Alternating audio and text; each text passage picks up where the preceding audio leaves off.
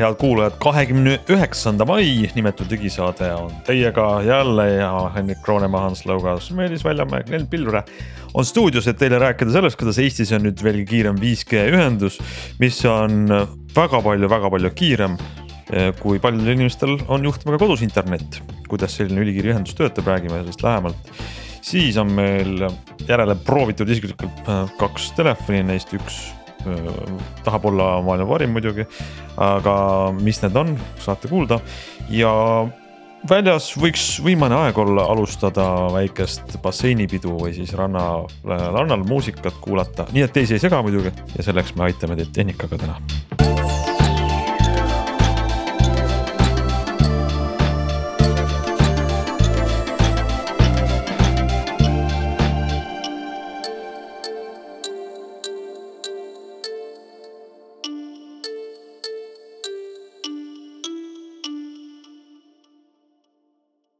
no nii, alustame Eesti tehnoloogia uudisega, mis on äh, järjekordne hüpe edasi ühenduvuses, sellepärast et üks telekomi operaator tegi siis väikse demonstratsiooni, tehnoloogia demo koos oma partneritega.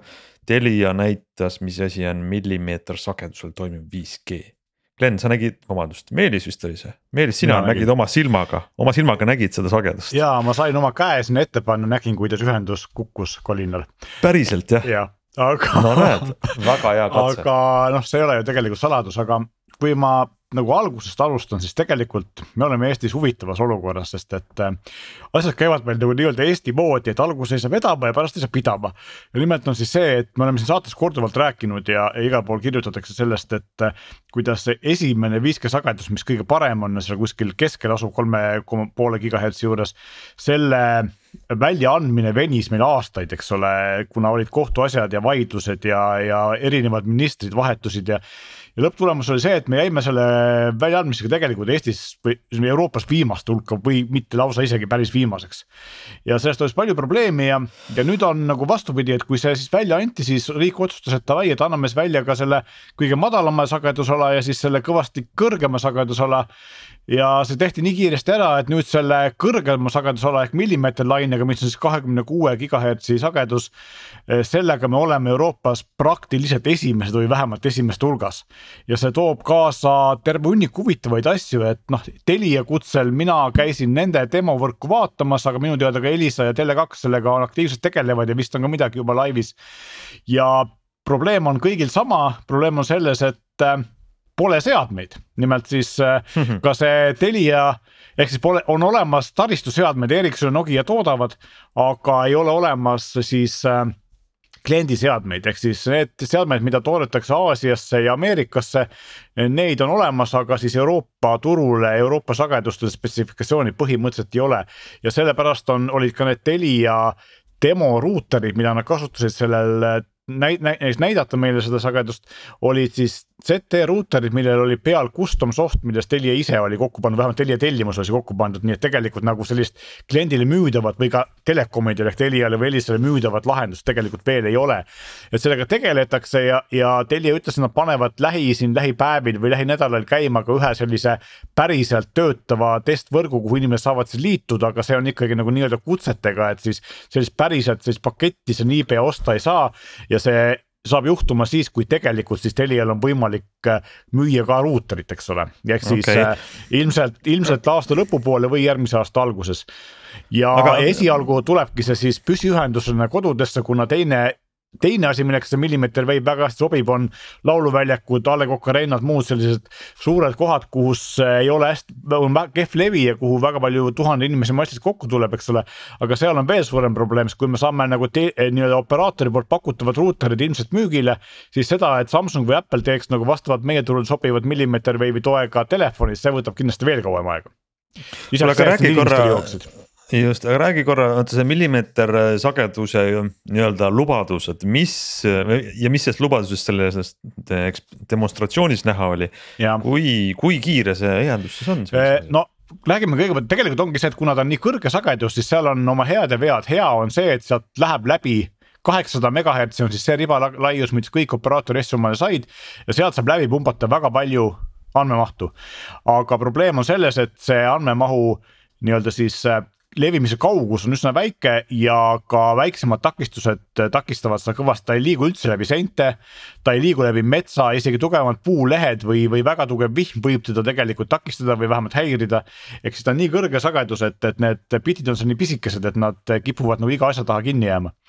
ja Eh, Teliasi esindaja, Telia tehnoloogia juht Andre Visse ütles, kes on ka meie saates käinud korduvalt, ütles, et, et nemad on saanud selle tehnoloogia peal, mida nad praegu kasutavad eh, downstream'iks maksimaalselt ühe purgi siis ühe selle eh, antenni või masti küljes seitse gigabitti sekundis Uhuhu. see on esimene põlvkond Uskumata. ja see läheb kindlasti tulevikus veel paremaks, kuna me oleme 4G-ga näinud, et ta on läinud kõvasti kiiremaks, kui ta alguses on.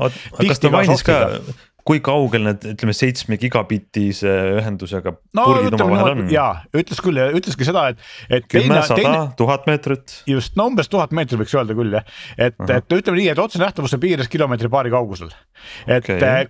Nokia on saanud oma laborites otsenähtavuse piires praegu üksteist kilomeetrit, aga noh, tegelikult praktikas on ikkagi kilomeeter paar on see, et nemad Päris... näevadki, nemad näevadki Päris... seda nemad näevadki seda. labor peab olema sellel Nokial, ma ütlen üksteist kilomeetrit. noh, kui te teate Mustamäel see Telia maja, eks ole, kus siis see demosüsteem oli üles pandud, siis nende praegused antennid, millega nad testid olid põhimõtteliselt kõrval maja katusel ja seal oli vahepeal veel üks keskmine maja ja siis nad sihtisid niimoodi, et see signaal jooks kahe maja vahelt täpselt läbi, et ei takistaks, see esimene maja oma klaaspinnaga ei takistaks, ole.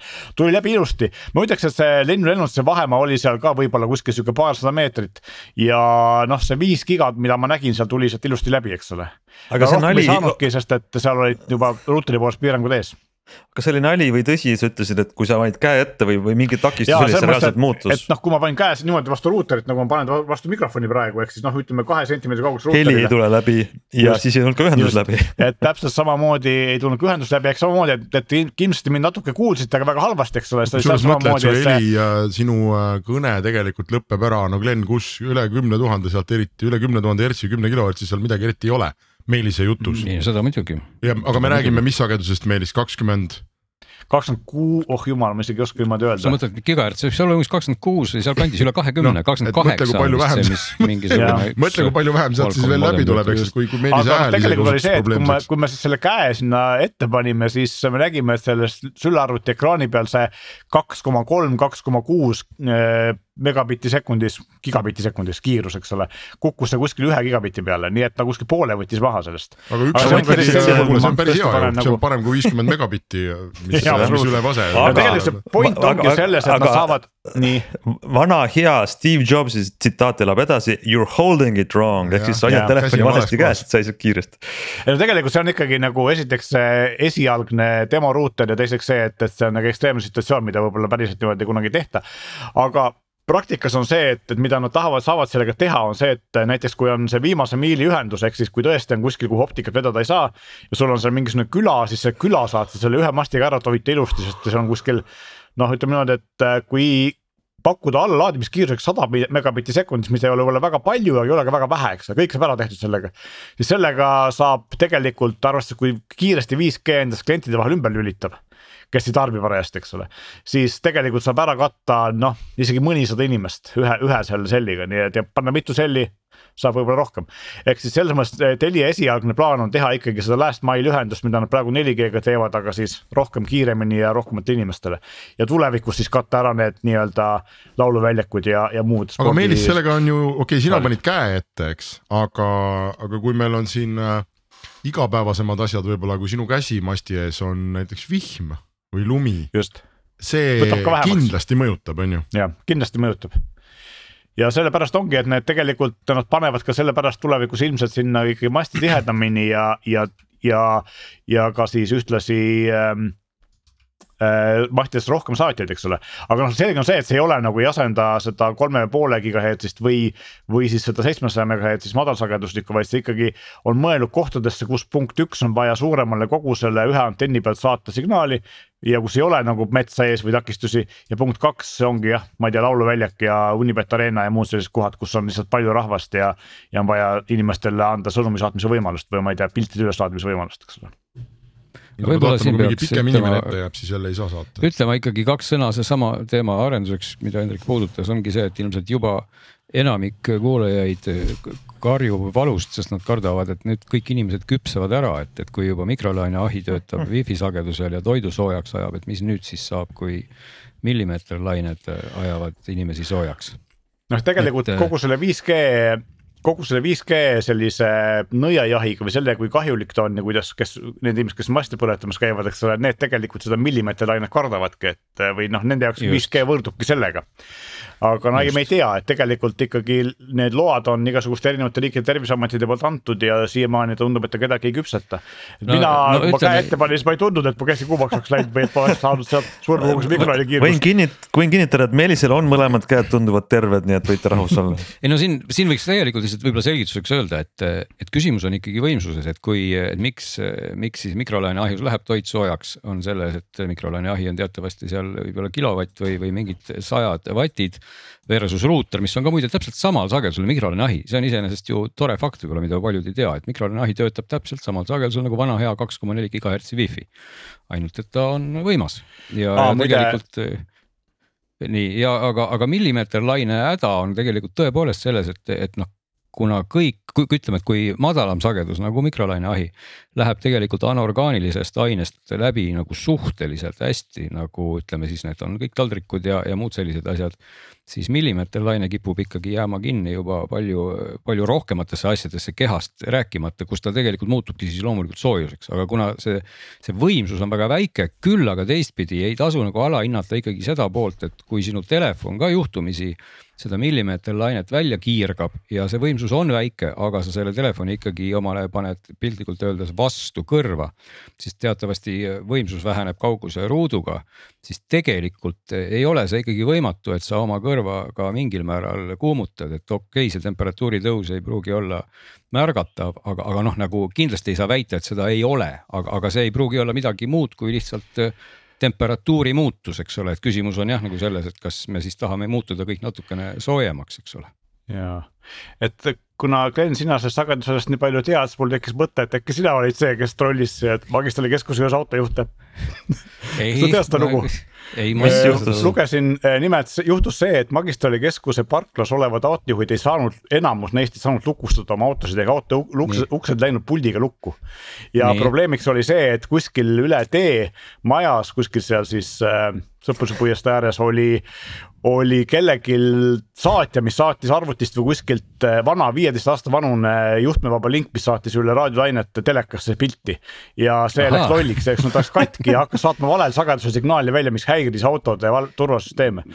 ja tehnilise järelevalve amet võttis peilist selle välja no nii. aga väga oli huvitav, eks ole. võin ka kinnitada, et Glen ei ole praegu käed raudus ega kongis, nii et tundub, et ei, ei... vist ei olnud raadioentusiastiga tegemist. see näitab väga selgelt seda, kuidas nagu selline signaali välja andev seade võib nagu ühel hetkel hakata tekitama suur, suurelt probleeme, eks ole ei no absoluutselt, ega, et ega, ega iseenesest ikkagi tasub kellel sellel kindlasti silma peal hoida mõlemalt poolelt, sest ega tootjate huvi on loomulikult nagu teenida ikkagi raha ja kasumit ja öelda, et me kõik teeme seda inimkonna hüvanguks, aga teistpidi on ikkagi ka need näited, kus, kus võib-olla see hüvang ei ole number üks, et vaid see raha on, nii et, et siin nagu tasub hoida sellist kainet meelt, et ega ei saa pimesi uskuda kummaltki poolt, et kas. ei no absoluutselt, tegelikult peaks ikkagi, et noh, kontrollima peab neid sagedusi kogu aeg pidevalt, eks ole, ja mis see inimeste tervisele teeb.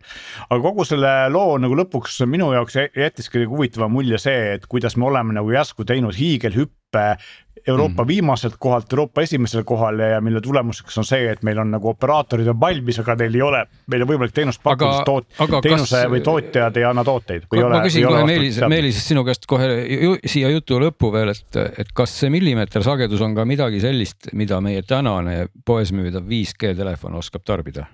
Ei ole, vot see ongi ja isegi kui Telia ja Elisa ja Tele2 saavad kätte ruuteri, mis on spetsiaalselt nende jaoks tehtud või siis Euroopa operaatorite jaoks tehtud, siis äh, see on üks seade, aga selleks, et Apple või Samsung või keegi kolmas hakkaks toot-, tootma millimeeterlainega telefone. Ma arvan, et seda, sellega läheb ikkagi paar-kolm aastat veel aega ja teiseks see, et noh, mhm. tegelikult USA-s on nad olemas. aga ma just vaatasin, Verizon näiteks ei ole mitte kahekümne kuue gigahertsi peal, vaid on kahekümne kaheksa gigahertsi peal, mis tähendab seda, et sagedus on sarnane, aga siiski piisavalt erinev erinevad, ilmselt tuleb teha mm -hmm. mingeid modifikatsioone, ma usun, et Euroopas on nad vähe sarnasemad. aga jah, ilmselgelt see võtab aega ja selleks, et meil lauluväljakul saaks kiiret netti nautida sada tuhat inimest, sellest me oleme võib-olla veel viie kuni kümne aasta kaugusel, selleks ajaks kõigil sellised telefonid olemas. kusjuures Meelis, sina mäletad kindlasti, et äh, kui ammu juba ilmusid USA tehnoloogia pressis need Äh, arvustused ja sellised kogemuslood, et seisan siin Manhattanil on ju. Äh, olen selle nurga peal, kus selle, selle nurga peal, kus on see hüperkiire levi ja kõik on väga hästi, sest levi ongi hüperkiire. aga kui ma liigutan telefoni või iseennast on ju viis meetrit paremale või vasakule just. siis ei ole enam mitte midagi. see oli, ma ütleks peast, see oli paar aastat tagasi või midagi Umbes sellist, jah ja. ja.. Ja pärast seda ei ole sellest kõigest mitte midagi enam kuulda olnud, ehk mul on, et, et sel turul, kus nad väga vara jõudsid sinna ja tegelikult võtame ka need Euroopa turud, millega sa oled siin Eestit võrrelnud. et need, kes jooksid ja võitsid selle, nii-öelda võitsid selle 5G ralli ja seesama Hispaania, kus ma olen, siin on igal pool mingi 5G ma olen näinud mõne inimese telefoni ekraanil, et 4G asemel või LTE asemel on seal 5G, äh, eks ole, kui ta andmesidet kasutab. aga mitte, mina küll ei julge öelda, et, äh, et siin äh, ühiskonnas kuidagi sammugi kaugemale oleks astutud et see 5G oleks toonud midagigi lauale, mida 4G-ga ei olnud, eks. ja ma just, just lugesin ega... siin operaatorid kurdavad Mm, üks selline väljaanne on nagu RC, äh, rcwireless.com, mis äh, pigem kirjutab sellest mobiilioperaatorite sellist sügavamast hingeelust, mis laia tarbekasutajat ei huvita. aga, aga tegelikult telekomi operaatorid üle maailma on selles mõttes täitsa korralikus kriisis praegu, et, et see suur 5G haip ei ole neile mitte mingisugust äh, nagu tuluhüpet ei ole toonud ja kõik need uued noh, need jutud, mida ikkagi sel hetkel sai ka muinasjuttudeks pidada, kui neid räägiti, kuidas me üle 5G hakkame juhtima ekskavaatoreid ja autosid ja südameoperatsioone ja no mis siin kõik olid, eks ju, et iga firma teeb endale privaatse 5G võrgu, sest nüüd saab et ka tänaseks sellest mitte midagi sisuliselt realiseerunud ei ole. ja, ja noh, kui me vaatame operaatorite siin äh, aktsiahindu või majandustulemusi, et noh, siis äh, Orange on äh, kriisis Vodafone on väga suures kriisis, aktsiahind sööstab alla ja inimesi muudkui koondatakse. Verizon täpselt samamoodi, USA suured operaatorid, et, et see, ma arvan, kas jah, me oleme selle 5G-ga esimesed või teised, ütleme nii, et Eesti riigiaparaadil vedas et, et sellest 5G-st noh, siiamaani midagi ägedat tulnud ei ole, sest me oleme nii märkimisväärselt aeglased selle juures. kui see oleks no. maailma kõige ägedam asi olnud ja tohutu mingi konkurentsieelise andnud ja need ühiskonnad oleks noh, kõvasti liikuma hakanud, kes said Eestist aasta või kaks varem 5G, siis me oleks täna ikkagi väga kurjad ja, ja küsiks, et näidake näpuga, kes see jobu oli, kes seda alla ei kirjutanud. aga õnneks, nende õnneks puhul... ei ole see midagi nagu toonud. Jah, aga, aga see vahe on ka tegelikult, et see haip, nagu sa ütlesid, oli ikkagi nagu, nagu naeruväärselt suur alguses need kaugjuhitavad traktorid ja kirurgid. ja see ei muutnud ühiskonda niimoodi silmnähtavalt, aga. no 4G muutis lõpuks aga 5G on, ma arvan, et äh, annab sellise noh taustat, et sa ei tee mitte midagi erilist tänapäeval, aga sa lihtsalt pead olema internetis kogu aeg, olgu sa toodad saelaudu või vorsti. kui sa internetis ei ole, siis see 5G on sulle see tagavaraühendus, et isegi kui sul kaabliga midagi juhtub, su maailm ei kuku kokku. ja, aga, aga tõsi, aga nagu siis me ostame seda sellesama gigabaidi hinnaga, on ju, millega me oleme ostnud 4G-d või võib-olla no tõenäoliselt isegi väiksemaga, sest gigabaitte mahub rohkem. minu arust on andnud nagu operaatoritele põhjust hinda tõsta, aga noh, see on teine. aga millal nad varem just, ei ole hindu tõstnud ja see haibi asi on ka, sest kui 4G tuli, siis räägiti LTE-st, millel on mingisugune kümme millisekundit hilistumine, mis tegelikult ei teostunud ja siis tuli see 5G-ga lõpuks kohale. nii et see on nagu, see, see on täiesti sellest, mitte eriline, aga vajalik, ma ütleks. ka sellest rääkisid teleinimesed pikalt just hilistumisest, see oli ka, seal küsiti selle kohta ja, ja et noh, et 5G-st räägitakse, et see on nagu fenomenaalselt väikestes ka, et noh, tegelikult see ei ole nagu väga palju väiksem kui LTE-l, ka seal on see väga hea. aga et kõik need, kui me räägime siin südameoperatsioonidest ja muudest nagu absurdsetest asjadest, mida kunagi nagunii ei tule, eks ole, üle, üle. võib tulla ka, miks mitte, aga no.. no ma arvan, et see on piisavalt kriitiline, et sa ei saa riskida sellega, et ühendus maha kukub, eks ole. aga teine asi on see, et, et autosid võib-olla saab juhtida, aga nende nagu väide oli see, et tegelikult äh, ei ole probleemiks juba jupp aega, ei ole suureks probleemiks enamuse asjade puhul eh, ühenduse helistus, vahet pole, kas ta on 4G või 5G või, või siis äh, optika, eks ole, vaid püh, äh, probleemiks on siis nii-öelda see teenuskiht, ehk siis nende, nendes äppides ja, ja muudes asjades tuleb seda helistust niivõrd palju rohkem juurde, et see võrgu poolt tekitatav helistus on tühine sellega võrreldes. jah, et see, kas ta on kaks mm. millisekundit või kakskümmend kaks või, et aga noh, vot ei tea, ma ei ole kunagi ühtegi sellist teenust ehitanud, ma arvan, et see 5G küllap ta aja arenedes, eks ju, kui me hakkame siin nüüd kaheksa K videosid Tiktoki millalgi laadima või mis iganes, eks, et ta leiab oma selle niši ja ta osutub vajalikuks. aga noh, järjekordselt me saame öelda, et kui nüüd peaks 6G tulema ja keegi tahab siia jälle saatesse tulla rääkima, kuidas 6G muudab äh, kohe, kohe maailma ja, ja, ja kõik saab teistsuguseks, et noh, siis me ikkagi teame, me oleme kolm korda põletada saanud selle jutu. ja no tegelikult mina olin, olen kogu aeg olnud skeptiline, ma olin skeptiline siis, kui tuli 4G ja, ja ma kasutasin 3G täitsa edukalt oma odavas paketis seni, kuni Elisa mind jõuga 4G peale üle tõstis, siis mingi hetk läks veel aega, kuni tegelikult see kiirus ja mahud läksid selliseks, ma sain aru, et sellest on kasu. ja ma usun, et 5G-ga läheb samamoodi, et tegelikult praegu ei ole sellest kasu, aga anname viis aastat ja siis võib-olla me näeme tegelikult päriselt asju. aga vaata, aga 4G probleem on see, et, et kes, kes kasseeris sisse 4G äh, nii-öelda kasumi, need ei olnud operaatorid vaid need olid firmad nagu äh, Facebook, Instagram, Youtube, TikTok äh, ja kõik Just. need, kellele järsku noh, andmeside, mis muutus äh, laialdaselt kättesaadavaks, odavaks, piisavalt kiireks ja piisavalt töökindlaks avas täiesti uued võimalused ja need vaesed operaatorid no heitsid lihtsalt võrgud valmis. ütlesid, meie võtame siit selle magusa tüki ja tegelikult Just. ei võtnud mitte midagi, tegelikult võtsid kõik teised firmad ja operaatorid ja, on väga pahased selle peale. ja tegelikult nagu, nagu sa ennem rääkisid operaatorite probleemidest, tegelikult ju operaatorid ka 4G tulekuga või veidi hiljem ja tegelikult ka veidi praegu üritavad ikkagi jõuga nagu pakkuda sisuteenuseid ja mitte olla nii-öelda see Äh, äh, nagu otse öeldes rumal toru jah, et ehk siis tegelikult, aga nüüdseks on näha, et enamuse USA-s nende operaatoritest meediafirmade ostmised on nagu läbi kukkunud ja põhjakõrgmad said aru, et meedia on väga keeruline ja tegelikult neil on lihtsam ikkagi olla see rumal toru. ja paljud on ju need asjad maha müünud, eks. no aga Euroopa Liidus on muide paber sees, mis kohustaks äh, suuri neid nii-öelda sisufirmasid operaatoritele veel eraldi maksma selle eest, et. et noh, nende sisu mööda igasuguseid võrke liikuda saaks ja noh, see see igasuguse normaalse äriloogikaga tegelikult väga nagu kokku ei käi. aga, aga ma saan väga hästi aru, miks operaatorid, kellel on ühiskondades on selline suur jõud ja nad on ikkagi suured rikkad firmad. et äh, mõne lobisti kannatab palgata küll, on ju, ja, ja võib-olla nad veeretavadki selle seaduse Euroopast läbi ja võib-olla peabki hakkama a la Google äh, noh, 5G võrkude, eks ole, kasutamise või ehitamise mingisugust juppi hüvitama noh, sest ta on ebaproportsionaalselt suur kasutaja on ju, et kui Meelis üksinda võtaks, äh, ma ei tea, kuuskümmend kaheksa protsenti nagu äh, Telia Eesti 5G võrgu ressursist, noh siis oleks sul Telia varsti ukse taga, öeldakse, et kuule, Meelis, et ähm, ma ei tea nüüd, et äh, äkki maksad ka veitsa selle eest. no üks aspekt, mida võib ka ikkagi operaatorite kasuks mainida või miks seda tehakse, on, on see pool, et see tehnoloogia muutub tegelikult efektiivsemaks, see on operaatoril suures plaanis odavam kasutada kui 4G, sest et sealt mahub lihtsalt rohkem äh, ele. ja elektrit läheb vähem võib-olla. seda rääkisid ka teleinimesed, et noh, kõige hullem on kasutada 3G-d, eks ole, kuna seadmed olid vanad, neid eriti uuendada ja võttis meeletut voolu ja ressurssi ja nii edasi, et jah. et, et see, see on, aga see on asi, mis tegelikult nagu tarbijat otseselt ei huvita, see huvitabki puhtalt operaatorit, et ta saaks op optimeerida ikkagi oma kulusid ja tulla välja sellise konkurentsi võimelise pakkumisega, mida siis võib-olla 4G ei võimalda, aga teistpidi nagu brändida lõpptarbijale 5G-d on noh täiesti idiootne, sest et noh, see, see ei annagi nagu mitte midagi, see on noh, see ongi täpselt sihuke asi, et iga tavaline inimene küsib, aga mida ma nüüd siis saan ja tegelikult selle peale tuleb alati meh, sest ta võib rääkida sellest ekskavaatori juhist või südameoperatsioonist, aga millestki muust ju rääkida ei ole, et. et võibki ainult öelda, et näed, see on efektiivsem, sealt mahub nüüd rohkem bitte ja baite läbi ja. ja sa võib-olla saad oma Youtube'i videot paremini vaadata, et see argument võib-olla mingil määral isegi pädeks, eks ole, aga. aga sest noh, 5G on ju nii laiali valgu mõiste, see katab ju sagedusi sadadest kuni kümnete tuhande giga gigahertsideni, eks ole, et, et ja, ja kõik see mahub täna ju sellesama nagu ühe tähekombinatsiooni alla, mis teeb selle veel täiesti selliseks noh, sisuliselt nagu nii lahmivaks mõisteks, kui see üldse olla saab.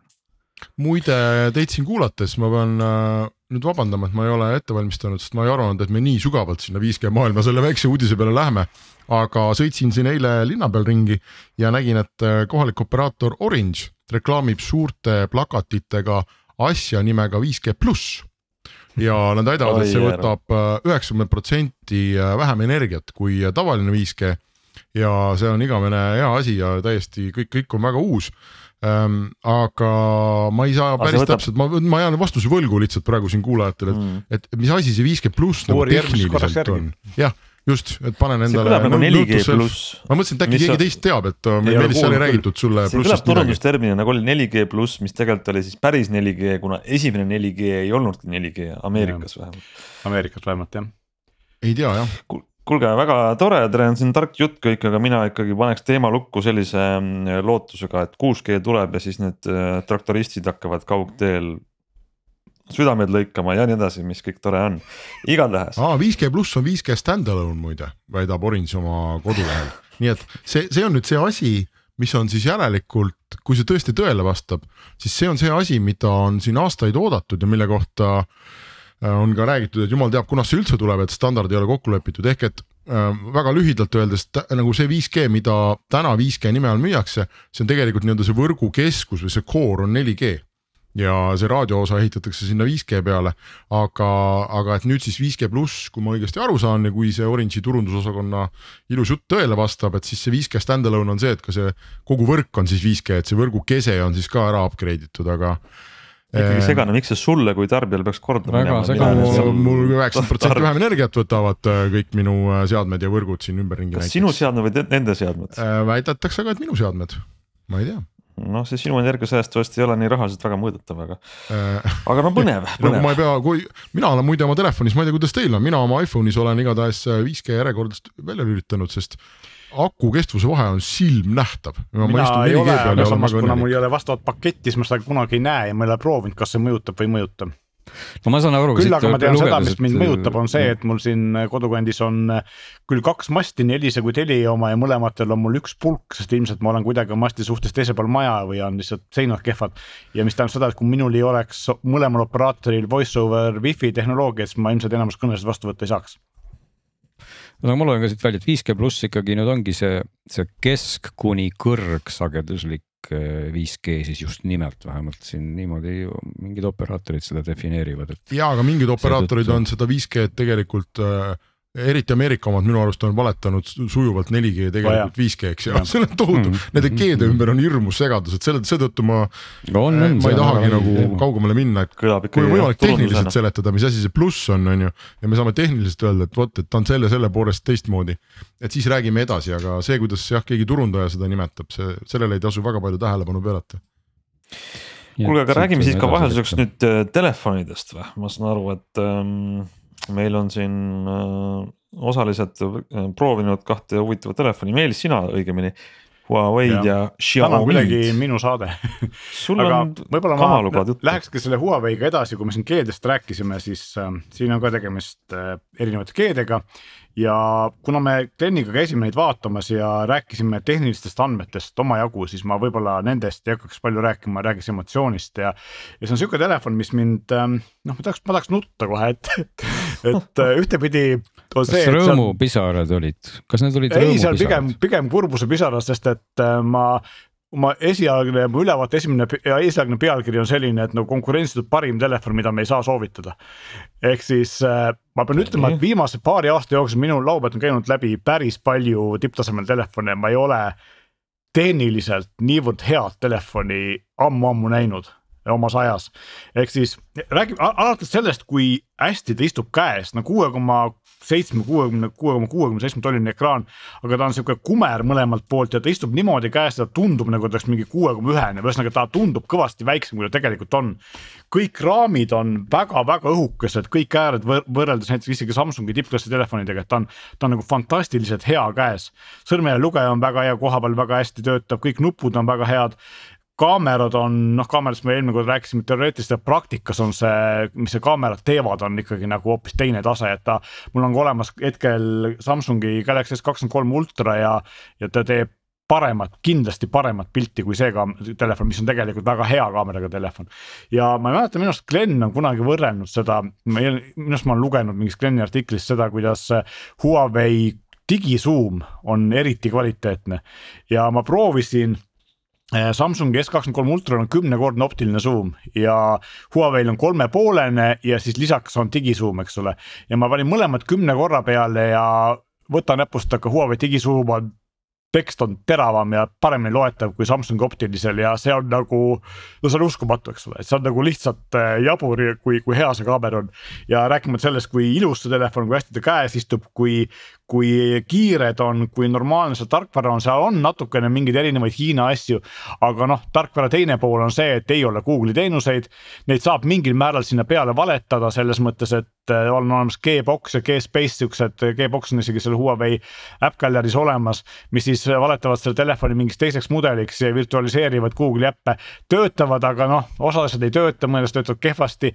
mingeid asju ma sellega tööle ei saanud. Google'i jälile saab sellele, paneb homme äkki üldse kinni selle. just ja noh, lisaks on, eks ole, see, et, et näiteks noh, Maps'i sain tööle eh, kontakte, mul ei õnnestunud ei Outlook'ist ega Google'ist sünkida, võib-olla ma lihtsalt ei saa aru, kuidas see käib, aga, aga mingisugune kala see on, ma tean, teistel inimestel see töötab, minul ei õnnestunud.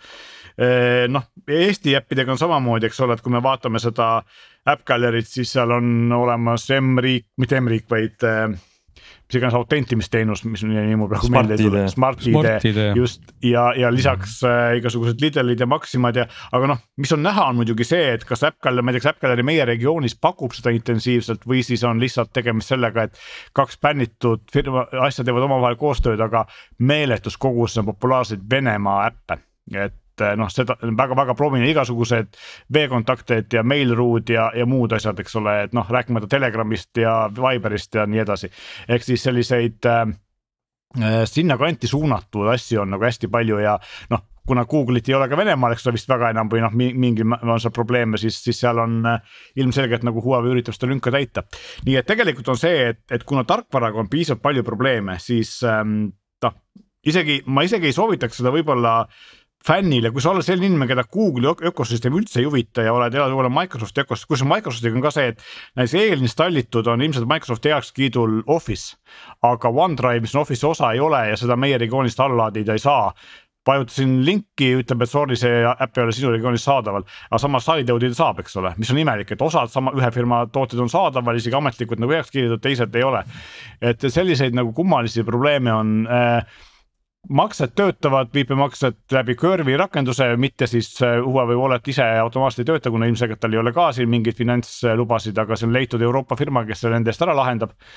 et selliseid üle, üle nii-öelda naljakaid asju, mis on tehtud nagu kuidagi niimoodi ümber nurga, on siin päris palju. et äh, riistvara poolest on telefon parim, mida ma olen viimastel aastatel näinud nagu kohe konkurentsitult, tarkvara poolest on ta piisavalt äh, kokku klopsitud või siis niimoodi sanktsioonidest üle hüpates tehtud, et seda, see on nagu probleemiks, ma usun, et rõhuvale enamusele inimestele, sellepärast selle tuhande kahesaja või tuhande kolmesaja, mis iganes eurot ta maksab. eest ma seda kindlasti soovitada ei saa, kuigi väga tahaks, ideaalses maailmas, kui siin oleks peal Google teenused nii nagu Huawei'l olid neli aastat tagasi, siis ma ütleks, et see on parim telefon, mis kunagi tehtud on ja ostke seda kohe. aga, ja teine asi, kui me G-dest rääkisime, siis ei ole 5G tuge, kuna on olemas Qualcomm'i kiip, aga ainult 4G toega, sest et sanktsiooni tõttu ei saa Huawei Euroopas müüa 5G toega telefone no ma ütleks. ma võin eksida praegu, äkki tuhat kakssada üheksakümmend üheksa. et ma, ma ei, ma, ma ei tahaks, aga noh, ma ütlen natuke, võiks öelda Huawei kaitseks seda, et mina, mul ikkagi õnnestus kasutada, mida ma hästi hakkasin juba sekkuma, selles mõttes ma, ma ootan väga Glenni seda nii-öelda sissevaadet, sest ma usun, et Glen ikkagi sa saad ka selle telefoniga tutvuda ja siis me saame kuulda selle nii-öelda loo teise poole. ma olen praegu, kuidas ma ütlen, ma olen praegu selle listi lõpus, et ma võib-olla kunagi saan, aga, aga no, praegu minuni seda telefoni veel ei ole jõudnud. aga, aga ma tahtsin juba ennemgi, isegi kui see telefon ei ole minuni jõudnud, öelda võib-olla Huawei kaitseks seda, et, et noh, nad ongi selles samas nõmedas olukorras, kus nad on. põhjusel või teisel, nojah, või võib-olla siis on, kui nad kusagil luuravad või ei ole, et sellest ei taha, ei pea rääkima. aga, aga ma tahtsin öelda lihtsalt seda, et, et isegi noh, mina, kes ma ikkagi aeg-ajalt tehnoloogiat testin ja sellest midagi tean, ma sain ju Huawei telefoniga elatud, noh, ma kasutasin B40 Prod ikkagi julgelt üle aasta, et see oli minu põhitelefon ja ja ma jäin täiesti nagu ellu, et ma ei saanud öelda, et, et minu elu oli kuidagi täis äh, neljatähelisi sõnu rohkem kui tavaliselt äh, tänu sellele telefonile, üldse mitte. ja ma tean ka väga paljusid inimesi täna, no väga paljusid on liialdus, ma tean inimesi täna, kes kasutavad ka Huawei telefone, kus ei ole Google'it, nad ei ole mingid IT-inimesed. Nad on täiesti tavalised inimesed ja nad teevad tavalisi asju ja nad on täiesti rahul, sest et see telefon on ilus ja, ja, ja teeb ilusaid pilte. ehk äh, ma nagu ütleks seda, et kui me nagu vaatame selle pilguga, et me me tahame sealt leida midagi, mida seal ei ole, siis me kohe seda ka leiame, et kui on mingi spetsiifiline äpp, mida sa ei saa või mis iganes. et, et aga, aga tegelikult, kui sa oled selline leebem ja tagasihoidlikum kasutaja ja sinu jaoks prioriteedid on natuke teised, siis ma nagu väidaks, et see, see lugu ei ole tegelikult nii hull, et, et muidugi tuhande kolmesaja eurost telefoni no vaata, see Mina... ongi seesama koht, et, et võib-olla sa ei osta, eks ole, aga, aga võib-olla sa tahad just nimelt seda kuud pildistada, et, et ma, ma nagu tahakski öelda seda kohta, et, et, et ma saan aru sellest, loomulikult see ongi, miks ma täna ei kasuta Huawei telefoni, oli see, et ma tahtsin, oli vaja kasutada eh, Google'i Family linki ja, ja paraku mis iganes häkkimisega seda ei saanud paigaldada eh, Huawei telefoni no, ja siis ma võtsin Android telefoni, eks ole. on ju tegelikult sellega, et mina noh, võib-olla ei ole väga tavaline kasutaja, aga minu jaoks on ka minu jaoks tehnikateadliku inimese jaoks on seda liiga palju, see on liiga keeruline. ma ei taha äh, äh, usaldada APK Pure'i või mõne muu no, äh, kahtlase lehe poolt tõmmata, alla tõmmata asju. ja, ja see ka pooltel juhtudel ei lähe üldse tööle ja rääkimata sellest, et tasulisi äppe. ja siin paar asja oli, mis mul ka nagu crash isid ja ei läinud tööle, teiseks on see, et, et mina kasutan ka näiteks äh, Google Wallet'it makseteks, makseteks ma ei saa seda siin teha, ma pean selle Curve'i süsteemi endale kuidagi hankima, mis võib-olla ei ole väga lihtne. ja, ja siin on igasuguseid nagu selliseid pisiasju, mida noh, kui mina, minu jaoks on see piisavalt keeruline siis minu nii-öelda tutvusringkonnas, kes ei ole tehnikatööd inimesed, ma kindlasti julgeks eriti selle raha eest, eks ole. ja noh, teine asi ongi, ongi tegelikult see, et ikkagi noh, see risk, see risk ei ole seda, seda selles mõttes väärt, et. et võiks olla ja ma olen nõus sellega, et kui sind huvitab ainult see kaamera, mis on nagu tõesti super hea ja. ja kogu see muu, see käes hoidmine ja see on nagu, nagu ideaalne, siis noh kui inimene tahab sellest mööda vaadata siis on tal see võimalus olemas, telefon Eestis müügil, seda saab osta, eks ole, aga. ei no, ei no võib-olla on ka olemas need inimesed, kes, kes täna kasutavad mingisugust teistsugust Huawei telefoni ja saavad oma elu elatud ja võib-olla on need eriti vaimustuses, nüüd nad saavad osta hoopis veel ägedama Huawei telefoni, et, et ka need inimesed on tegelikult kindlasti olemas, eks ole, et, et, et lihtsalt. muidugi on võimalik osta kaamera siis, kui sa tahad kaamerat kasutada. No aga tegelikult nii kurb, kui see ka ei ole, ega ühtegi fotoaparaati, mis oleks võrdeliselt hea ja maksaks sama palju, ei olegi olemas. Mm mis no, oleks sama väike. tegu kõige parema kompaktkaameraga, tühja see, tühja see äpi ja telefoni osa. nii tundubki. see, seda, seda võib vabalt ka nii öelda, et see meenutab mulle ühte kunagist Nokia telefoni, milleks oli PureView kaheksasada kaheksa ja mis oli üks viimaseid, kui mitte kõige viimane peaaegu Nokia Symbianiga telefon. ja noh, kasutamise mõttes oli ikkagi pehmelt öeldes väga halb, aga tegi ilusaid pilte. päris hea, hea paralleel, sest kui sa ütled Symbian, mul hakkab tõmblema mingi lihas. on Symbianist väga head mälestused. oi, oi, oi, oi nojah, ütleme, et seda. nostalgia, Meelis, see nostalgia muudab sinu seda mälestust. muide, mul oli asjasse. ma neid aktiivselt kasutasin, aga hea küll, see selleks. mul oli ainult veidi asjasse puutuv, aga kiuslik ja vist natuke asjakohane küsimus. kui me ei luba siin, ma ei tea, Tiktoki äh, ka väga nii-öelda tea, teadaolevalt turvalistesse telefonidesse näiteks riigi, riigiametnikel paigaldada, isegi iPhone'i ei tohi Tiktoki panna, on ju või, või ka Samsungi telefoni. Ja me ei luba Huawei'd äh, äh, võrku ehitama, eks me oleme seda keelanud igalt poolt 5G-st. siis kuidas pagana moodi lubatakse seal jooksutada Smart ID-d, mil, mis on põhimõtteliselt Eesti infoühiskonna nagu tugisammas? Ja sellega võib minna ja allkirjastada ja kogu see info jookseb sealt läbi ja põmabki võib-olla otse Huawei'sse. ainult üks järeldus, selle Smart ID krüpto on nii pagana kõva erinevalt. no jah no, ma arvan, keegi on maha maganud selle, ma arvan, et need asja, asjakohased inimesed, kes äh, selliseid äh, pabereid riigis kirjutavad, neil lihtsalt ei olnud Huawei telefoni ja võib-olla nad ei tulnudki selle peale. et Smart no. ID on äh, noh olnud, teinud Kaia Kanepit meile põhimõtteliselt ei no, ega asi ei ole ainult ju nendes siltides on ju, et kas on Hiina või mitte Hiina, vaid asja, asi on sisus. miks Smart ID üldse on omakeelse allkirjaga ja mobiil-ID ja ID-kaardiga võrdne, et ta on midagi enamat kui lihtsalt üks äpp vaid sul on see teenus, kus sul on see krüptovõtmed jagatud pooleks ja, ja nii edasi. minu, ma arvan, Ants selle Huawei puhul asi ei ole üldse sisus, asi on, ongi ikkagi palju rohkem siltides kogu aeg olnud, kui, kui selles sisus. no vaata, kas me, kas me oleme õnnelikud selle üle, ei peaks ju olema, võiks olla ikkagi sisus tegelikult oleks jumala õigesti sisuliselt teada, et kas mingi inimene kuskil on tal munder seljas või ei ole parasjagu, aga tal on tõenäoliselt igasugused load, mida meil ei ole, et kas ta on nagu mõelnud selle peale, et et no, Huawei see, see, arendatakse. see kõik, seda asja. see kaldub muidugi juba noh, meie vestlus kaldub jälle sellistesse globaalsetesse probleemidesse, milleks ongi ju Hiina tõuseme globaalsfääridesse. et, et, et see. ja sul on väga terav märkus, laseme selle õhupalli katki, mis sinna. ja ma tahaks lihtsalt lõppu öelda, et, et, et kuniks me, kuniks meie asjadele, riietele on peal kiri made in China, siis me anname oma raha sinna paratamatult ja, ja meil on seda palli täna nagu tarbijana nagu väga keeruline noh muuta, isegi kui me aga... tahaksime, et aga võib-olla peaksime jah. Aga kui sa no, saad nutiriided, Glen, mis hakkavad su järgi potentsiaalselt luurama, kas me siis lubame sul Hiina nutiriideid kanda? just no,, teine telefon veel, mis on ka väga küll. made in China.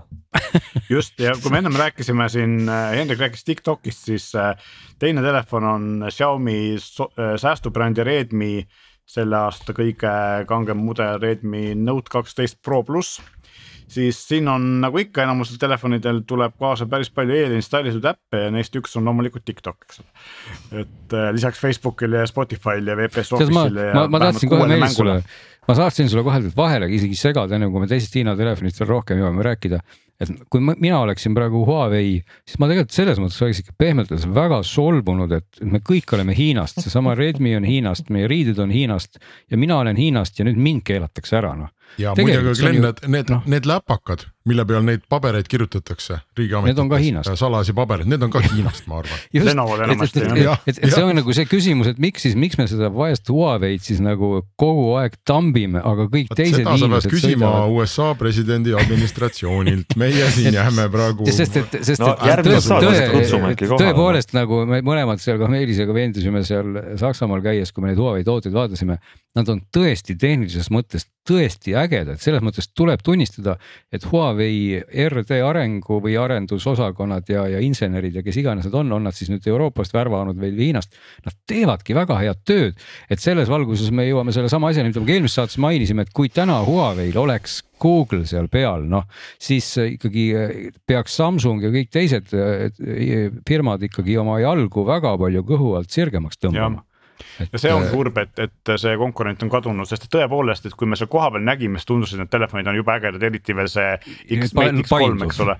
aga just, nüüd, kus, äh, kus ma seda olen oma käes nagu pikemat aega hoidnud, siis see mulje ainult süvenes, et no riistvara poolest on see ikkagi täiesti fantastiline asi. no kuule, aga, aga siis on see Xiaomi väärtus seda tiitlit Nendel on Google'i teenused, ma saan aru, jah, ei ole mingeid probleeme. ei, selles mõttes ta ei ole kõige parem Xiaomi telefon, ta on äh, sellest Redmi seeriast kõige kallim ja kõige parem, et tal on siin nagu eh, palju ilusaid numbreid nagu me teame, numbrid ju loevad, eks ole, et esiteks on kaamera kakssada megapikslit neljasaja eurose telefoni puhul, väga ilus number.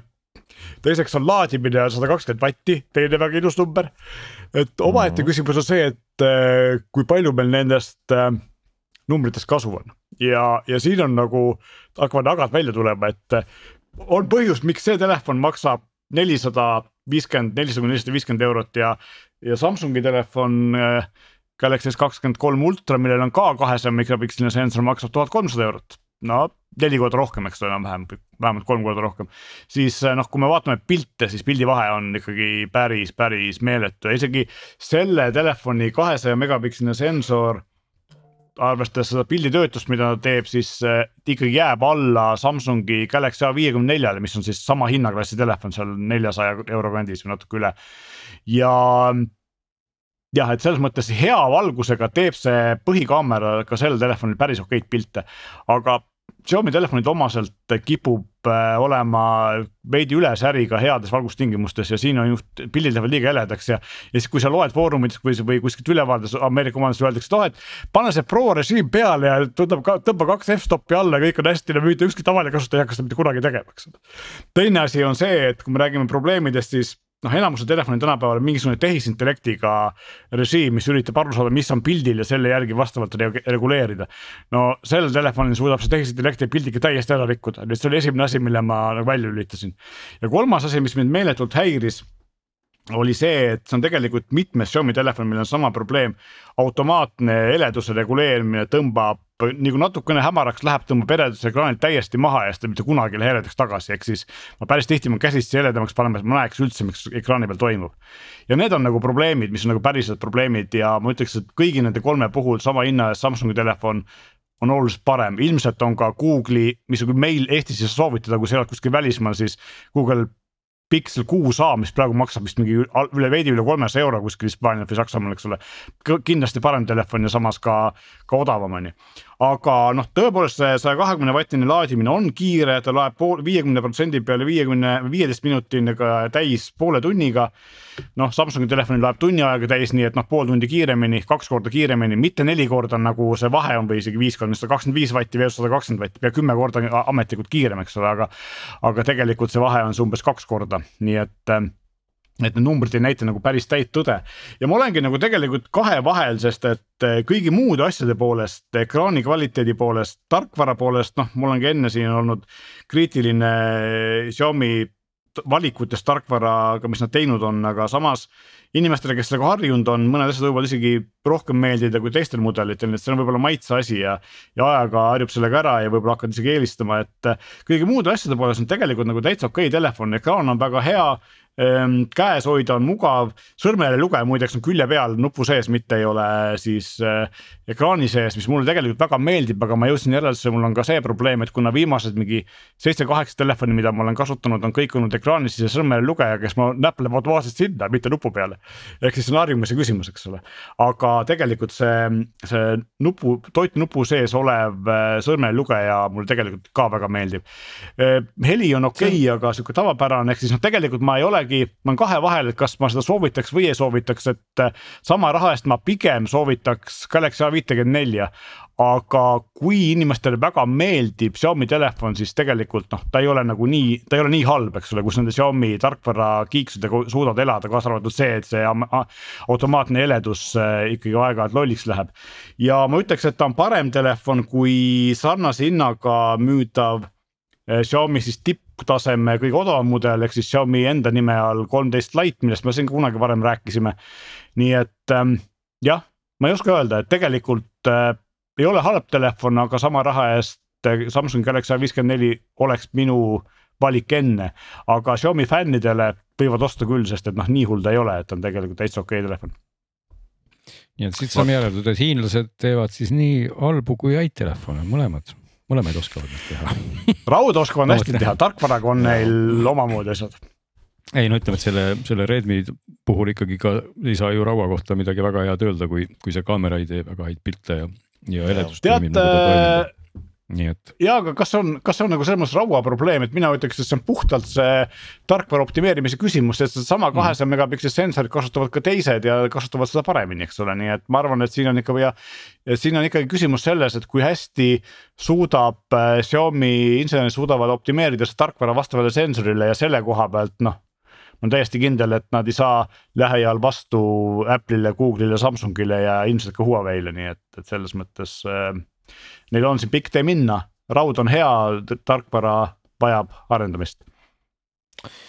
selge, siin on siis veidi ülevaadet äh, Hiina ja telefonid teemal. Mm mulle tundub, et äh, meil on täna nii lennukas vestlus olnud, et me siiski ei hakka sukelduma sinna rannapeo kõlari maailma kuigi põnevad on ja võib-olla nädala pärast ilmad isegi veel soojemad. aga äkki meil on veel midagi nõu või lahedat kogemust jagada kuulajatega veel selle nädala jooksul. mul on kirjas, et nii mitu tükki meist on siin mingisugused, ma ei tea, teil on mingid kogemused laadijatega. Henrik ja Meelis, kas see vastab tõele ja mis need kogemused on? ja mina otsisin, ma ei tea, kas Henrik tahab esimesena jagada oma kogemust? ei, ei räägi, räägi. mina otsisin tükk aega taga nagu piisavalt pisikest Äh, laadijat, mida saaks reisile kaasa võtta ja mis oleks selline kerge, mis laeks ära kõik mu asjad, ehk siis enamasti ma võtan reisile kaasa arvuti, et tööd teha, äh, telefoni ja mingid kõrvaklapid, võib-olla isegi paar paari, võib-olla ka e-luger ja ka e-luger reeglina asi, mis lühikese reisi puhul ei vaja laadimist, eks ole. ja, ja siis ma ostsin umbes neljakümne euro eest natuke vähem sellise Ugreen'i laadija, mis mahub peopesast ära täpselt. tõesti, väga väike. ja tal on taga kaks äh, ma olen kaamerast eemal, kaks USB-C-d ja üks USB-A ja mille poolest on eriline, on esiteks see. aga oota, ma siis... kohe küsin vahele, täpsustame ja. siis laadija nime nüüd nii ära, et inimesed aru said, mis asi see oli, mis sa ostsid. tule mudel ette jah, nii. U-Green ehk siis U-Green ja CD kaks neli neli. Nad ise nimetavad seda Nexodiks, äh, Nexod kuuskümmend viis vatti, kui seda panna otsingusse on vist lihtsam. leidsin, leidsin. Äh, ja ja seda kunagi tehti seda väga suurena, nüüd on nagu CD kaks neli neli on tegelikult see kood, mis näitab, et see on väike mudel. ja noh, tõesti võtab väga vähe ruumi, ta on kerge ja lisaks on siis piisavalt tark oma laadimisega, et ähm, ta on siis maksimaalselt kuuskümmend viis vatti. esimene ja teine USB pesa suudavad mõlemad ühekaupa anda välja kuuskümmend viis vatti, mõnel konkurendil on see, et need pesad on erineva võimsusega. aga sellel on siis niimoodi, et kui sa paned kas ülemisse või keskmisesse pesasse ühe kaabli, saad sa kätte see kuuskümmend viis vatti, piisab MacBook Pro jaoks, piisab enamuse ThinkPadide jaoks. kui sa paned sinna kaks USB-C kaablit, saad sa ühe, ühest nelikümmend viis, teisest kakskümmend samuti piisab ilmselt arvuti pluss telefoni jaoks näiteks, eks ole. kui sa paned sinna Eh, kaks USB-C-d ja ühe tavalise USB-d saad sealt kätte nelikümmend viis pluss eh, kas äkki kaheksa pool pluss kaheksa pool ehk siis aeglasemalt laaditava telefoni või kõrvaklapid laadi ilusti kolm asja korraga ikka ära laadida, eks ole. ja piisab ikkagi eh, arvuti jaoks ja väga huvitav on see, et lisaks sellele, et tal on siis USB PD tugi, mis töötab, eks ole, Mac idega, iPhone idega, Google'i telefonidega, Samsungitega. on tal olemas ka Samsungi AFC tugi ja, ja Huawei Fast Charge'i tugi, nii et ta tegelikult laeb suhteliselt kiiresti ka neid seadmeid. Mis on üsna ebatavaline ja kui sa paned ainult USB A-st ehk siis tavaliselt vanakooli USB pesast, siis seal maksimaalne väljund võimsus on kakskümmend kaks pool vatti. ja tegelikult ta laeb nagu päris hästi. Äh, läheb küll üsna soojaks, eriti kui panna sinna kõik asjad täisvõimsusel laadima, nii et noh, mina ei soovitaks näiteks voodi peal igaks juhuks laadima jätta, aga see on vist selline mm -hmm. common sense'iga üks peaks aru saama, et laadijat ei tasu ükskõik millist laadijat kuskile väga kerge süttiva materjali peale laadima panna igaks juhuks, eks ole. no ta läheb otse seina, ta on ikkagi selline, kus kahvel on küljes seal laadijal, ta läheb ju seina. kahvel on küljes jah, ja see ongi, et USA ja. versioon, kui nad mõõtmed, no ütlevad, et see on kuus koma kuus senti pikk, tegelikult see on see keskmine osa, kahvel tuleb lisaks, kokku on ta kümme senti. sest Ameerika versioonidel käib, USA kahvel on sihuke lapik, ta käib siia asja sisse, eks ole, ja siis ta ongi sellise suurusega. et ta jah, kümme senti on ta pikk, kolm, kolm paks ja neli kõrge, nii et noh, see on umbes sellised mõõdud siis. et mahub väga hästi taskusse, väiksesse käekotti, rääkimata lennukisse kaasa võttes kuskil seljakotist, eks ole, et see pluss üks USB-C kaabel ja tegelikult on lahendatud on ju et mulle väga meeldib ja, ja töötab hästi, aga ma ütleks, et noh, et kuna need laadijad ise räägivad küll, kui tohutus koguses neil on neid igasuguseid turvafunktsioone siin sees ja. ja kuidas neil on süttimiskindel plastik, millest see korpus on tehtud ja nii edasi, siis noh, seda ma testida ei tahaks, et.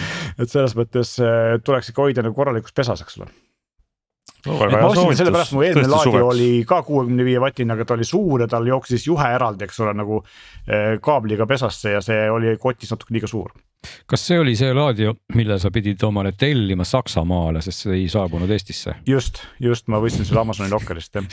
see, see juba nägi väga selline, kuidas ma ütlen, nagu Mission Impossible välja et.... saadeti, saadeti Eestisse ka, Eestis müüakse kusjuures, aga siin olid ajad olid piisavalt pikad ja tol hetkel ja see versioon, mida siia saadeti, maksis sama asi teises poes rohkem. vaata, siin on näha, kuidas käitub selline tõeline tehnikateadlik inimene, meil on Huawei esitlus, eks ole, loetud päevad Münchenis ja Meelis tellis Münchenisse Amazoni lokkerisse omale laadija ja läks, võttis selle sealt ära. nii lihtne. tark reisija, väga mõistlik. nii. nii, Henrik, kas sul oli ka mingisugune? ja, ja mul on sarnane toode, aga äh,. konkureeriv toode. konkureeriv toode Ankerilt ja selle vahega Meelis, mis sa ütlesid, kuuskümmend või kuuskümmend viis vatti? kuuskümmend viis vatti, sul on sajane või? Mul on sama suur, mul on sada kakskümmend mhm. ja, ja muidu täpselt samasugune, samad augud on peal, mhm. eks ole, laeb. ma võtsin selle sellepärast, et minu meelest vist äh, minu MacBook Airi õnnestub laadida ka kuuekümne vatiga okay.. ehk et äh, ta laeb siis kiiremini, see on väga segased andmed on internetis selle kohta, aga mulle tundub, et pigem nagu nõusolek või selline äh, arusaam inimestel on, et ta laeb äh, kuuekümne vatiga ka, ehk et ma siis arvutasin, et kui mul on kuuskümmend äh, läheb läpaka alla, eks ole. ma ei tea, mis iPhone'il on paarkümmend või kaheksateist või mis neil on parasjagu, eks. et äh, noh, ja siis jääb veel midagi üle, et alati on hea, kui üle mhm. jääb, et, mitte, et kui puudu tuleb ja, ja noh ta oli veidi kallim, ma arvan, ta maksis umbes sada eurot võib-olla ja. nii, nii võib olla jah. praegu on seitsekümmend viis, üheksakümmend üheksa, ma vaatan Amazonis Ehm, ja, ja no ma mõtlesin, et vahet pole, et kui ma maksan juba viiskümmend eurot, siis ma võin ka seitsekümmend viis maksta, eks, et äh, aga võimsust saan kõvasti juurde ja oi, kus läheb kuumaks ikka väga mõnusalt kohe läheb kuumaks ja ma arvan, et need vatid, mis mul sealt läbi käisid, kui ma kõik augud täis toppisin ja panin talle midagi külge. noh, need olid siis suuremad kui sinu kuuskümmend, eks, et ma arvan, mhm. et siis võisid olla mingisugune kaheksakümmend, üheksakümmend äkki. ja laadis, laadis mitu kuud, kuni ühel päeval ei laadinud ja õigemini laadis ja ei laadinud, hakkas põhimõtteliselt asi hakkas vilkuma, et äh, mõnikord hakkas Mac laadima, mõnikord ei hakanud, mõnikord käis off and on see laadimine. Äh, ja siis ma võtsin Ankeriga ühendust, ütlesin, et näed, selline paha lugu. siis nad käskisid teha mul video sellest, kuidas see asi ei lae. ja käskisid ka seadmel oleva seerianumbri mulle saata. otsisin, mis ma otsisin, mina seadmel olevat seerianumbrit ei leidnud aga lõpuks nad jäid sellega rahule ja ütlesid, et äh, olgu, et saada nüüd meile Saksamaale see. ja ja siis äh, ma ütlesin, et väga kurb lugu, et äh, kui ma nüüd hakkan teile seda Saksamaale saatma ja siis te hakkate seda uurima ja et mul on laadijat vaja vahepeal, et mis, mis te nüüd arvate, et ma siis mingi kuu aega nüüd ei lae oma seadmeid. saatmine on kallis ka. selle nad muidu hüvitasid kuni seitseteist okay. eurot, kandsid ilusti äh, tagasi. aga, aga see, ta läks vist ainult kolmteist ja, ja minule üllatuseks, kui ma saatsin neile selle postitšeki, et näe, läks posti, siis nemad ilma siis seda seadet ära ootamata hakkasid mulle, saatsid kohe uue laadija nii et ma sain okay. selle suhteliselt kiiresti kätte ja see nüüd jälle laeb aga ma arvan, et see õppetund on siin see, et kui sa ostad, need on need uued, need gun laadijad on ju meil mm, -hmm. mis on mingi kalliumnitriit või mis, mis imeline Just. aine see seal on, mis, mis võimaldab väga väiksest laadijast väga palju vatte läbi lasta. et see tehnoloogia on suhteliselt uus, ma arvan, ta on siin mingi selline aasta, mitte ja. üle kahe kindlasti ei ole laiatarbeturul niimoodi olemas. et ilmselt esineb veel probleeme ja ilmselt esineb probleeme seda rohkem, mida suuremad võimsused ja kuumused sul sealt vaesest äh, tikutopsist läbi käivad, on ju, ja noh, mida, mida rohkem ta peab vaeva nägema. et tasub igaks juhuks äh, hoida meeles ja mul tuleb meelde, ma siis laadisin, äh, mul oli kunagi, ostsin mitte nüüd sellise, mis peopessa mahub, aga olid, mäletad need või on siiamaani sellised nelja-viie pordiga ütleme, ma ei teagi, sellised võib-olla kümme korda viis sentimeetrit latakad, Satechil mm -hmm. on äh, näiteks, no sellised suuremad, et, äh, et peopessa ei mahu, aga kahte peopessa mahub. ja siis mul on, see on ka sajavatine, sest seal on ka mingi viis, neli-viis porti peal. Ja need ma mäletan, need ei ole selle gun'iga, aga isegi need kippusid omal ajal läbi põlema ja inimesed kurtsid, et näe, läksin reisile. Ei saagi laadida, et nüüd on kõik halvasti. et see, see on, see tundub, et nende laadijate puhul, nende väikeste ja võimsate laadijate puhul see põlemise ehk siis läbipõlemise või mittetöötamise oht on reaalne ja kust iganes sa seda ostad, siis osta mingist sellisest kohast, kuhu sa saad minna kuue või kaheksa kuu pärast tagasi ja öelda, et sõbrad, mulle see nüüd ei tööta, on ju, et teeme ja. midagi. seal on muidugi vahe selles, mõnes kohas võib see olla sellises kohas, kus saad tagasi minna, on märgatavalt kallim, et poodides on nad sellised asjad nagu ikkagi kõvasti kallimad, kui sa ostad kuskilt Amazonist või. aga Amazonist saab ka tagasi minna, eks, vähemasti õigemini. huvitav oli see, et seda miskipärast ei äh, lahendanud mul mitte Amazon, vaid sealt ma pidingi otse sellest Amazoni nii-öelda, et mul on probleem, sealt lehed äh, suunati otse Ankeri support'i, aga mm -hmm. nad, siis ma sain mainida, et ma ostsin Amazonist ja edasi siis käis nii-öelda, et see tagastus, taga, raha hüvitis posti eest, postitamise eest tuli Amazoni mm -hmm. ja, ja omakorda ka selle uue laadija tõi mulle Amazon nii et kuidagi nad seal mingid back office'id ilmselt suhtlevad omavahel. aga põhimõtteliselt jah, et tuleb osta, mitte ei soovita osta Äh, kuskilt kellegi käest või jumal teab, mis kohast on ju, vaid äh, neid asju, need on ikkagi kallid asjad, et peab ostma sealt, kus, kus. mina tahan siinkohal veel ühte asja toonitada kindlasti, et laadijast üksi ei piisa, laadijale käib kaasa ka juhe, ükski nendest laadijatest juhtmega ka ei tule, eks ole. ja juhtme peab ostma korraliku, eriti kui sa laed seda kuuekümne viie või saja vatiga, see peab olema selle võimsuse peale sertifitseeritud juhe. ja see peab olema tuntud tootja juhe, sest kehv juhe võib su seadme ära rikkuda sealt võib tulla mingisugune jama, kuigi need laadijad ise peaksid olema piisavalt targad, nad saavad sellest aru, aga sellegipoolest. et kui sa ostad selle Ankeri või Ugreen laadi, sa pea, võiks osta mingi sarnase tootja juhtme ka, eks ole, vähemalt tootja, millel on kuskil palju positiivseid kommentaare, mitte kümme, vaid ikkagi tuhandeid, eks ole, ja. ja kuskil võib-olla keegi selline reputa-, reputatsiooni omav ülevaataja on seda testinud ja öelnud, et näed, töötab nagu nii nagu peaks, eks ole, et. et selles mõttes jah, ja, ja peab arvestama sellega, et punkt üks aeglasest kaablist, kehvast kaablist selline vool läbi ei tule, sa võid osta võimsa laadija ja kui sealt ära ei riku, sa võid, tuleb sa laed tegelikult kümne vatiga, mitte kuuekümnega või sajaga seda asja, eks ole, sest lihtsalt juhe ei, to ei toeta rohkem. ja teine asi on see, mida peab arvestama, et kui sa tahad ka andmeid edastada, siis rõhuv enamus selliseid võimsaid sajavatiseid või kuuekümne vatiseid kaableid, mis ei ole siis Thunderbolt on USB kaks null ehk siis nad ei ole väga kiired. aga noh, enamasti sa ostadki tegelikult ju ikkagi selle kaabli laadimiseks ja mitte siis mingiks, tänapäeval, kes meil ikkagi arvutist telefoni tõstab andmeid kaabli kaudu ja enamasti teeme seda juhtmevabalt on ju. aga sellega peab arvestama jah mina selle jutu taustaks lihtsalt veel ütlen täiesti teemavälise asja, et kui ma kuulasin, kuidas Henrik mainis Ankeri nime, siis mul hakkas nostalgia hõngulisest mälusopist ilmus välja mingisugused saksa käekellad, mida tootis Anker aastatel kaheksakümmend pluss ja siis mul tekkis huvi, et, et huvitav, mis see Anker see selline kas see oli. on seesama Anker, nad äkki need See ei ole sama hiinlased, see ei ole muide üldse seesama anker, aga mis kõige, kõige kummalisem on, et ma ei suutnudki leida ühtegi ankerit, kes kaheksakümnendatel ja üheksakümnendatel käekellasid üldse tootis, küll aga ma sain teada, et Anker on väga kuulus vaibatootja kes on asutatud juba tuhat kaheksasada millegagi ja möllab Saksamaal ja toodab tänaseni väga ägedaid vaipu, nii et võib-olla on teil kindlasti põrandal kontoris Ankeri vaip. aga see Anker, millest eh, praegu laadijatest juttu on, on ka väga tegija Anker, see on rajatud nimelt Hiinas aastal kaks tuhat üksteist ja, ja just Google nimelt inseneri ongi just ja ongi, möllabki igasuguste laadijate ja just selle segmendiga ja.